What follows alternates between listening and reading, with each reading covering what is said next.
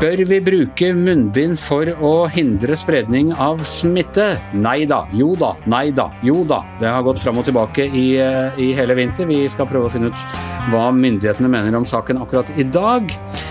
Eh, Trump vil oppløse Kongressen og er Smittestopp-appen til eh, Folkehelseinstituttet et overvåkingsinstrument fra myndighetene. Det er tingene vi skal snakke om i dag. Eh, torsdag den 16. april. Med meg har jeg Per Olav Ødegård og Hanne Skartveit i hvert sitt eh, jeg holdt på å si smittestudio og i hvert sitt eh, hjemmestudio. Og for å ta det siste først. Per Olav, vi snakket om det munnbind her for et par uker siden også. Og da hele pandemien startet, så var det snakk om at mens det ennå var munnbind å få i, eh, på apotekene, da var det snakk om at det var ikke noe vits i, for det spredde seg likevel. Så kom det en periode hvor det var noe vits i, og så har det ikke vært noe vits i, og nå høres det ut som det er vits i å bruke munnbind igjen. Ja, og Grunnen til at det kommer opp igjen nå, er jo at EUs smittevernbyrå eh, da har kommet ut med en anbefaling til medlemslandene, også da til Norge, om eh, at befolkningen bør bruke munnbind i det offentlige rom. Uh, og Det er jo en konsekvens av at ganske mange land Eller det kommer etter at mange land i Europa har uh, tatt i bruk uh, den type utstyr. Eh, tyskerne har påbudt det når du skal gå i butikken eller reise med offentlig transport, og andre land har gjort eh, det samme. Men er det munnbind å få? Jeg trodde de var, eh, at de lå sylta nede i Kina. Ja. Jeg har ikke sjekket i det siste, Anders, så, men, men, men jeg, jeg, vet at jeg spurte på apotek her eh, for en venn, som det heter, for en stund siden. Ja. og da var det Nei, det var mange uker siden de hadde hatt. Um, og det har jo på en måte vært noe av begrunnelsen i Norge òg, tror jeg, hos Folkehelseinstituttet og ekspertisen her. Både det at de har ikke noe tro på at det er noe særlig effektivt vern, det er nå én ting. og det handler om smittevern og ekspertise på det området. Men også dette at eh, de munnbind vi har, de er det bruk for i helsevesenet blant de eh, sykepleiere og leger som faktisk eh, trenger dette her på jobben. Og at, det, at hvis da vi alle vi andre skulle etterspørre det, så, så ville det bli en helt håpløs situasjon. Nå er det jo litt forskjell på disse munnbind. Det er noen som er til medisinsk bruk, og så er det noen som er litt mer til allmenn bruk. Men det har jo vært mangel på begge deler. Så inntil man klarer å dekke behovet for det som det er behov for is på sykehusene, så har liksom det vært eh, eh, holdningen, da. Men det har endret seg litt nå. Hanne, hva tror du vi skal snakke Vi skal bli litt mer paranoide her etter hvert. Men er det sånn at myndighetene har sagt at det med munnbind er ikke noe vits i, rett og slett fordi det ikke har vært munnbind? Det er et godt spørsmål. men Jeg tror også at det er reell faglig usikkerhet rundt det. At det er ulike anbefalinger og ulike vurderinger. Eh, men det kan godt hende det er en del av forklaringen. I så fall er jo det logisk. Du kan ikke anbefale folk å bruke munnbind hvis du ikke har munnbind å tilby. Nei, men eh, samtidig jeg tenker at hele veien, altså, så lenge det er sånn såkalt dråpesmitte, så vil jo munnbind til en viss grad redusere faren, selv om det ikke er en, er en 100% garanti. Er det ikke sånn da? Jeg mener, Hvis du går, går, med noe rundt nesa og munnen, så, så, er det mindre fare for at det sprer seg derfra? Jo, men så er det vel noen som sier at når du har munnbind, så tar du deg mye mer i ansiktet enn du ellers gjør. Jeg er jo en av de som tar meg mye og ofte i ansiktet. Blir kanskje enda verre med eh, munnbind, men det er jo et argument, argument, mot munnbind, at det faktisk gir en falsk trygghet. da. Men jeg, jeg aner ikke hva som er riktig faglig her, altså.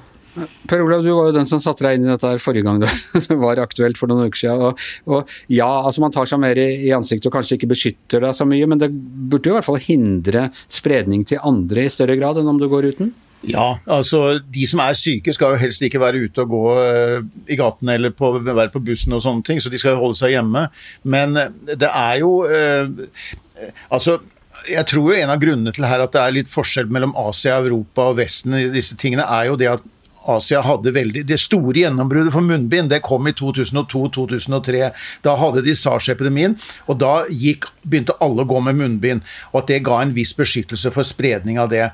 Uh, og det egentlig, og, uh, Siden den gang så har de vært veldig opptatt, oppsatt både på å bruke munnbind av flere årsaker, mot forurensning, men også i influensa- og forkjølelsessesongen og sånn, at det gir en viss beskyttelse. Um, Eh, så skal det brukes på korrekt måte, du må skifte ut ofte og sånne ting. Eh, men der har de jo Der er det jo stor produksjon av den type utstyr, og de har det i butikkene, og det er lett tilgjengelig. Og det har det jo ikke vært her. Uh, Hanne? Samtidig så lever de jo veldig veldig mye tettere enn vi gjør her, både i mindre leiligheter, tettere på hverandre. Det kan jo hende at det kan være lurt da, hvis det er smittefaglig riktig å gjøre det på trikk og buss, eller der hvor det er mange mennesker, mens på landsbygda i Norge hvor du knapt ser folk, så er det kanskje litt uh, mer unødvendig å gå med det. Altså, jeg, jeg, tenker sånn det har blitt nå. Når jeg, bare jeg sitter og ser på film og ser at folk står tett på film, uh, eller håndhilser eller sånne ting, så blir jeg sånn Æh, så ekkelt. ikke sant? Nær menneskelig kontakt, fy da.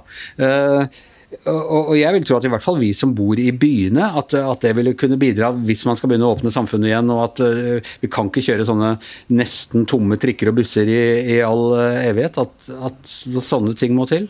Per Olav? Nei, jeg tror kanskje at uh denne pandemien kommer til å gjøre oss litt mer lik asiatene. På den måten at hvis vi skal klare å gjenstart, gjenåpne samfunnet, eh, hvis vi skal reise med buss på bussen igjen i rushtrafikken og være på arbeidsplasser hvor vi er veldig tett på hverandre, så tror jeg kanskje at det med munnbind kommer til å bli mer vanlig. Eh, og så er Det jo, det foregår mye sånn I Norge så sier de at de vil se på det på nytt, og at det kan ha noe for seg, nettopp sånne steder hvor det er mange mennesker tett samlet. Men eh, i Danmark nå så starter de et forsøk hvor de utstyrer 3000 mennesker med munnbind som de skal gå med noen uker. Og så er det en kontrollgruppe som er like stor, som ikke skal ha munnbind. Og så skal de undersøke helsetilstanden hos disse da før og etter. Så da blir det et slags sånn kontrollert forsøk på dette her. For det er vel noe med det som Hanne er inne på, at det, det vitenskapelig dokumentasjon for hvor nyttig det er. Det kan jo gi en sånn falsk følelse av trygghet også å bære disse munnbindene. Men øh, noen effekt vil jeg jo tro det har. Hanne? Og så snakker vi jo om eh, placeboeffekt av medisiner. Kanskje det har en placeboeffekt sånn på trygghetsfølelsen vår, at vi føler oss bedre og blir mindre redde hvis vi går med munnbind. At det blir mer, eh, mindre angst og mer harmoni. Ja. Jeg vet ikke. Nei. Du, litt til samme gata. Eh, vi, vi, tar jo opp dette her på formiddagen. Klokka fire i dag så er det pressekonferanse hvor regjeringen hvor de skal da presentere Folkeinstituttets nye app for smittesporing, som da heter Smittestopp. Eh, og det er altså en eh, app som skal kunne spore våre bevegelser og hvem vi er i kontakt med og sånne ting. Og jeg røper ikke noen forretningshemmelighet når jeg sier at det er eh, ulike oppfatninger om nødvendigheten eller hvordan denne skal tas i bruk, også på VGs leder- og kommentaravdeling, Hanne Skartveit. Nei, Det er riktig. Jeg må innrømme at jeg har tvilt veldig veldig lenge uh, på hva som er riktig. Derfor var det først nå vi kom med en ledd på det. Dere andre har jo pusha meg litt på at vi må mene noe om det, og så har det vært litt uenighet innad i gruppa om hva vi skal mene. Uh, konklusjonen ble det lederen i dag som heter 'Et tvilende ja til FHI-appen' hvor vi legger inn en rekke Konklusjonen blir, blir, det du mener fordi du er politisk redaktør, ja. tenker jeg vi ja, det er helt sant. Men jeg tror de fleste stilte seg bak konklusjonen slik den ble, hvor vi sier ja, det er veldig vanskelig å si nei til noe som kan gjøre at vi kan åpne opp samfunnet og få det mer normal gjenge sånn som det er nå. Men rent instinktivt så er det en helt unormal ting at, at staten skal vite hvor vi er til enhver tid, hvem vi er sammen med, hvem vi treffes. Det er noe veldig sånn eh, Jeg merker instinktivt at det byr meg veldig imot, samtidig som jeg ser at nå med de tiltakene vi har som er veldig inngripende i det norske samfunnet nå, så vil en sånn app kunne gjøre at vi faktisk kan få ting i mer normalt gjenge, og de tiltakene har veldig veldig store kostnader. Både økonomisk og menneskelig. Uh, og, og, ja, og det er jeg selvfølgelig helt enig i. og det som Fronten har gått litt mellom deg og meg. Jeg mener jo på en måte at uh, Altså, Vi gir fra oss opplysninger hver gang vi skal finne ut hvilket Hollywood-stjerne vi var i vårt forrige liv på Facebook for å skryte av til vennene våre, så gir vi fra oss mer opplysninger eh, enn det denne appen vil registrere. Er, hver gang du drar tapp kortet ditt, hver gang du passerer et kamera, eh, hver gang du eh, sjekker en rute på Google App, så gjør du det. Så at hvis vi en gang da får onde myndigheter som ønsker å overvåke deg, så har de, eh, kan de bare ta seg mandat til å finne ut langt flere ting. Så da, da, jeg føler at det blir nesten litt sånn teoretisk øvelse, hele den derre eh, frykten for å Jeg eh, skal bruke dette her som helt opplagt er i alles interesse, eh, og som fordrer da et type statskupp og omveltning av det norske lovverket for å kunne misbrukes. Ja, nå har jeg aldri tatt de der Hollywood-testene eller noe annet på Facebook. Nei, eller hatt noen stedstjenester. Noen av oss er litt mer slumsete deg, det kan vel innrømmes. Men det er en veldig prinsipiell forskjell på det du gir fra deg frivillig, som jeg også er skeptisk til at så mange gir så mye ut til Facebook og alle disse andre tjenestene. synes jeg er eh, Det blir jo lillebror ser deg, ikke storebror ser deg. Men det at staten skal ha i en statlig lagret sky ha tilgang på alle mine bevegelser og hvem jeg treffer til enhver tid, det er et sånt storebror ser deg-samfunn. Og det vi sier i den lederen, er ja, vi sier ja, men vi skulle ønske at det kunne være lokallagring og ikke lagring på et sentralt hold i en sånn sky hvor man kan hacke over du kan tenke at uvedkommende også kan få en helt annen oversikt over oss enn de ellers ville hatt, og at det er en forutsetning at det er frivillig, som det jo skal være. Man kan slette appen når man vil, som det skal være. Det er bra. Og at vi må være helt trygge på at det er bare i denne sammenhengen den appen skal brukes. For vi ser jo i andre sammenhenger at krisetiltak, når regjeringer i ulike land innfører krisetiltak, så blir de ofte litt glad i de verktøyene de får, og bruker dem litt på andre ting òg. Så det må være en garanti for det. Det tror jeg kanskje at vi får. Vi har jo stor tillit til Norge til myndighetene våre, og det er bra. Ja, jeg stoler mer på Erna Solberg og, og Camilla Stoltenberg uh, til sammen enn jeg stoler på Mark Zuckerberg f.eks. Ja, jeg er ikke uenig i det, Anders. Men det at staten skal ha et sånt innsyn og ha en sånn datainnsamling på et sentralt sted, det syns jeg i utgangspunktet er skummelt. Men som sagt, vi endte opp med å si ja, Anders. Under tvil. Og jeg syns jeg syns det ble en ganske ålreit leder, må jeg si. Ja, ja, ja. God og bra å lese innledningen. En app der så mange nordmenn som mulig til enhver tid skal gi staten tilgang til opplysninger om hvor vi er og hvem vi er sammen med, er i utgangspunktet en skremmende tanke. Det var som om jeg skulle ha skrevet det sjøl da jeg jobbet i Gateavisa.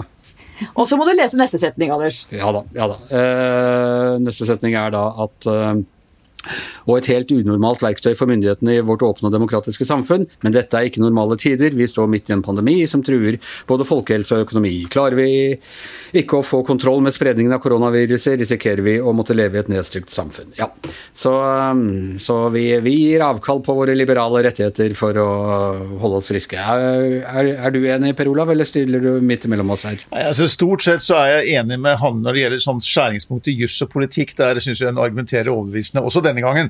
Eh, men jeg må jo si at jeg har sånn instinktivt noe av den samme følelsen. Vi har skrevet og vært opptatt av hvordan Kina driver digital overvåkning av sine borgere, eh, hvordan man kan gjøre det i vår tid. Det er, det er liksom sånn Før koronatiden så var dette noe av det skremmebildet vi var opptatt av. Og så tar vi det på en måte i bruk selv. Men vi gjør det med restriksjoner i en helt spesiell situasjon, og da eh, er det vel mye som taler for at eh, middelet er viktigere der, eh, enn, eh, og at det ikke er noe ond hensikt bak dette i dette i vårt tilfelle. Nei, og Ingen er jo i, tvil om at, eh, at, det er ond hensikt, og, og ingen vil at sånne opplysninger skal misbrukes. og Der er vi selvfølgelig enige alle sammen. Det jeg tenker på en måte, er bare, og, og jeg er enig i alle prinsippene og juristene må passe på osv.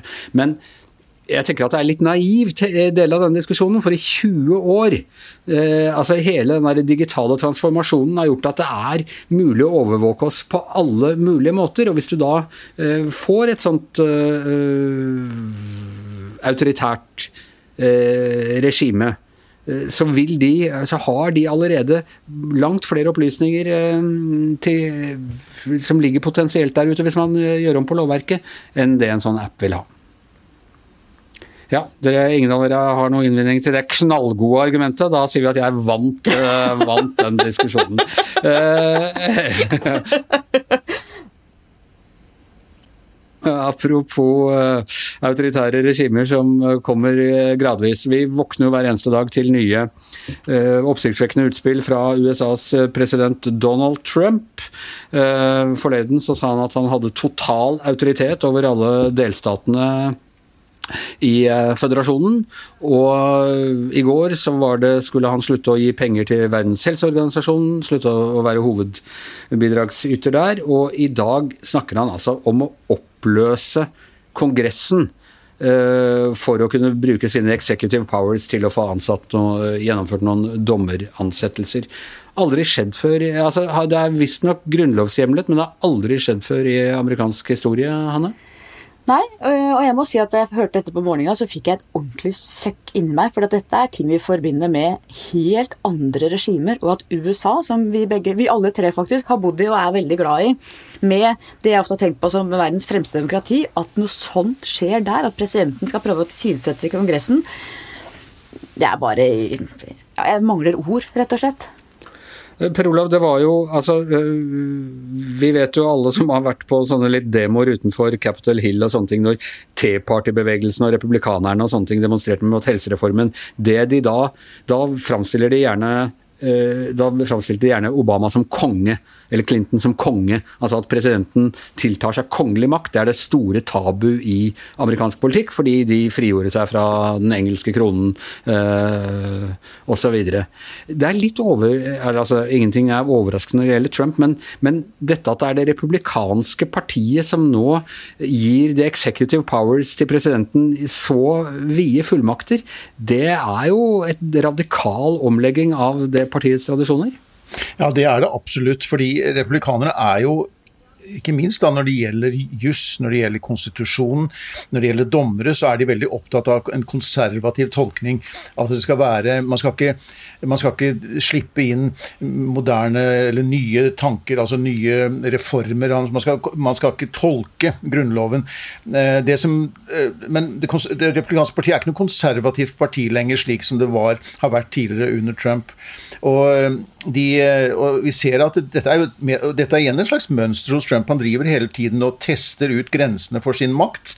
Eh, det var jo et vesentlig poeng under riksrettssaken mot ham, eh, hvor han da ble anklaget for å gå utover sin makt. og Han, ville ikke anerkjenne den granskningen engang, som jo en, eh, er en rettmessig en, en, en grunnlovsfestet rett som, som, Kongressen har til å granske en president. Og vi så dette med at han skal ta makt over delstatene, som heller ikke er verken lovhjemlet eller, eller, eller noen presedens for. Og nå dette med at han vil oppløse eller eh, for å få, Årsaken denne gang er at han skal ha gjennom en del utnevnelser. Og det finnes én sånn parallell der som var under Obama. For det var en periode hvor Obama skulle utnevne eh, ville utnevne noen da eh, Senatet ikke var samlet. Eh, og da ble det en sak for Høyesterett, hvor Høyesterett slo fast at eh, at det kunne han ikke gjøre. Og det ble jo da og det fordi at Senatet bestemte selv når de, når de satt sammen. De ikke, det var ikke noe som presidenten kunne pålegge dem. Og, og de hadde sin grunnlovsfestede rett til å, å, å godkjenne slike nominasjoner. Uh, og Da ble jo det bejublet av republikanerne, av Mitch McConnell og, og, disse folkene, som da sa at nå var Obama satt på plass, han kunne ikke tilegne seg makt han ikke hadde. Så um, nå er det da Trump som, som går enda lengre da, um, i samme retning. Uh, og da bør man, jo forvente at de republikanske lederne burde reagere på samme måte. Det er litt spennende. Hanne, du var jo den første av oss tre som uh, sa rett ut at du trodde at uh, Trump uh, kunne bli uh, president. Uh, per Olav og jeg var litt skeptiske. litt mer optimistiske, hva, egentlig? Ja, litt mer optimistiske. Hva, hva, hva, hva tror du om dette? Hva, hvordan tror du disse autorit, klare autoritære grepene han tar altså, eh, Amerikanerne er jo veldig opptatt av sjølstyre i, sjølråderett i statene og state rights og, og sånne ting. Eh, hvordan tror du disse tingene vil slå ut blant velgerne? Det er jeg veldig usikker på. Jeg tror det også er veldig avhengig av hvordan hans egne partifeller i, i Kongressen eh, håndterer dette hvert. Om man, om man får noen protest i egne rekker. For vi ser at de som de som liker Trump i USA, liker han veldig, veldig godt. Og det er jo denne veldig splittelsen, da. Eh, nei, så jeg er usikker. Han sa jo selv på et eller annet tidspunkt at han kunne skyte og drepe noen på Fifth Avenue, som da går utafor Trump Tower i, i New York, uten å, uten å, tape en stemme. Så det er vel det Det er vel den eh, lojaliteten han tester nå. Ja, så er det spørsmålet ikke hvor dyp den er, for vi ser at den er veldig veldig dyp hos mange eh, av hans kjernevelgere. Men hvor bred er den? Om, om det på en måte blir skalla noe i i ytterkantene eller ikke, men det tror jeg som sagt er avhengig av hvordan det resten av det republikanske partiet forholder seg. Jeg synes det er deprimerende å se hvor ryggesløse en del eh, som jeg har sett som skikkelige republikanere nå bare liksom eh, legger seg flate for Donald Trump. Det hadde jeg ikke trodd. Som, eh, som Trump selv sa i natt, så ender vel denne saken i retten. Det betyr at den ender for Høyesterett igjen, antagelig. Fordi det er Han vil ikke oppnå Trump kan true han kan presse, men han klarer ikke å gjennomføre dette. Eh, og da havner de i retten, sånn som veldig mange saker gjør i USA når det gjelder politikk og, og just. Det blir, det, et, det blir sannsynligvis en sak for Høyesterett, og da må de følge det de tidligere har gjort i de sammenhengene. Som den saken jeg viste til fra 2014, tror jeg det var, med Obama, som prøvde å foreta noen utnevnelser når eh, Senatet ikke var sammen. Og hvor, hvor, raskt trer da Høyesterett sammen og avgjør en sånn sak? Det kan jeg ikke, det, det tar jo måneder, vil jeg tro. Uh, så, så jeg, jeg, jeg, tror dette er og, dette er noe av mønsteret med Trump. også Du så når han sa dette at 'jeg har total makt til å, å gjenåpne Amerika', uansett hva guvernørene mener. Det sier han en dag. Neste dag så sier han at vel, det var jo ikke akkurat slik, jeg skal nok samarbeide med guvernørene. Så han, det er jo litt av dette spillet vi ser òg. Han, han, han, sier på en måte han, går, han, rygger ikke tilbake på en annen måte enn at han sier at han gir dem mandat til å bestemme sjøl. Ja. Han innrømmer på en måte ikke at han ikke har mandat. Ja, nei, det er en eh, av alle, som jeg har sagt før, av alle TV-serier på som vi ser på her i disse isolasjonstider, så er de der pressekonferansene til Trump uh, på natta, som man da eventuelt må se neste morgen, kanskje de mest intense, for å bruke et ikke altfor ladet ord. Med det så tror jeg vi sier at Giæver og gjengen er ferdig for i dag, i hvert sitt i hjemmestudio Per Olav Ødegaard, Hanne Skartvedt, Anders Giæver og vår uh, uh, mann med executive powers og rett til å bestemme over de enkelte hjemmekontorene rundt omkring i VGs kommentaravdeling, Magne Antonsen. Vi høres igjen i morgen.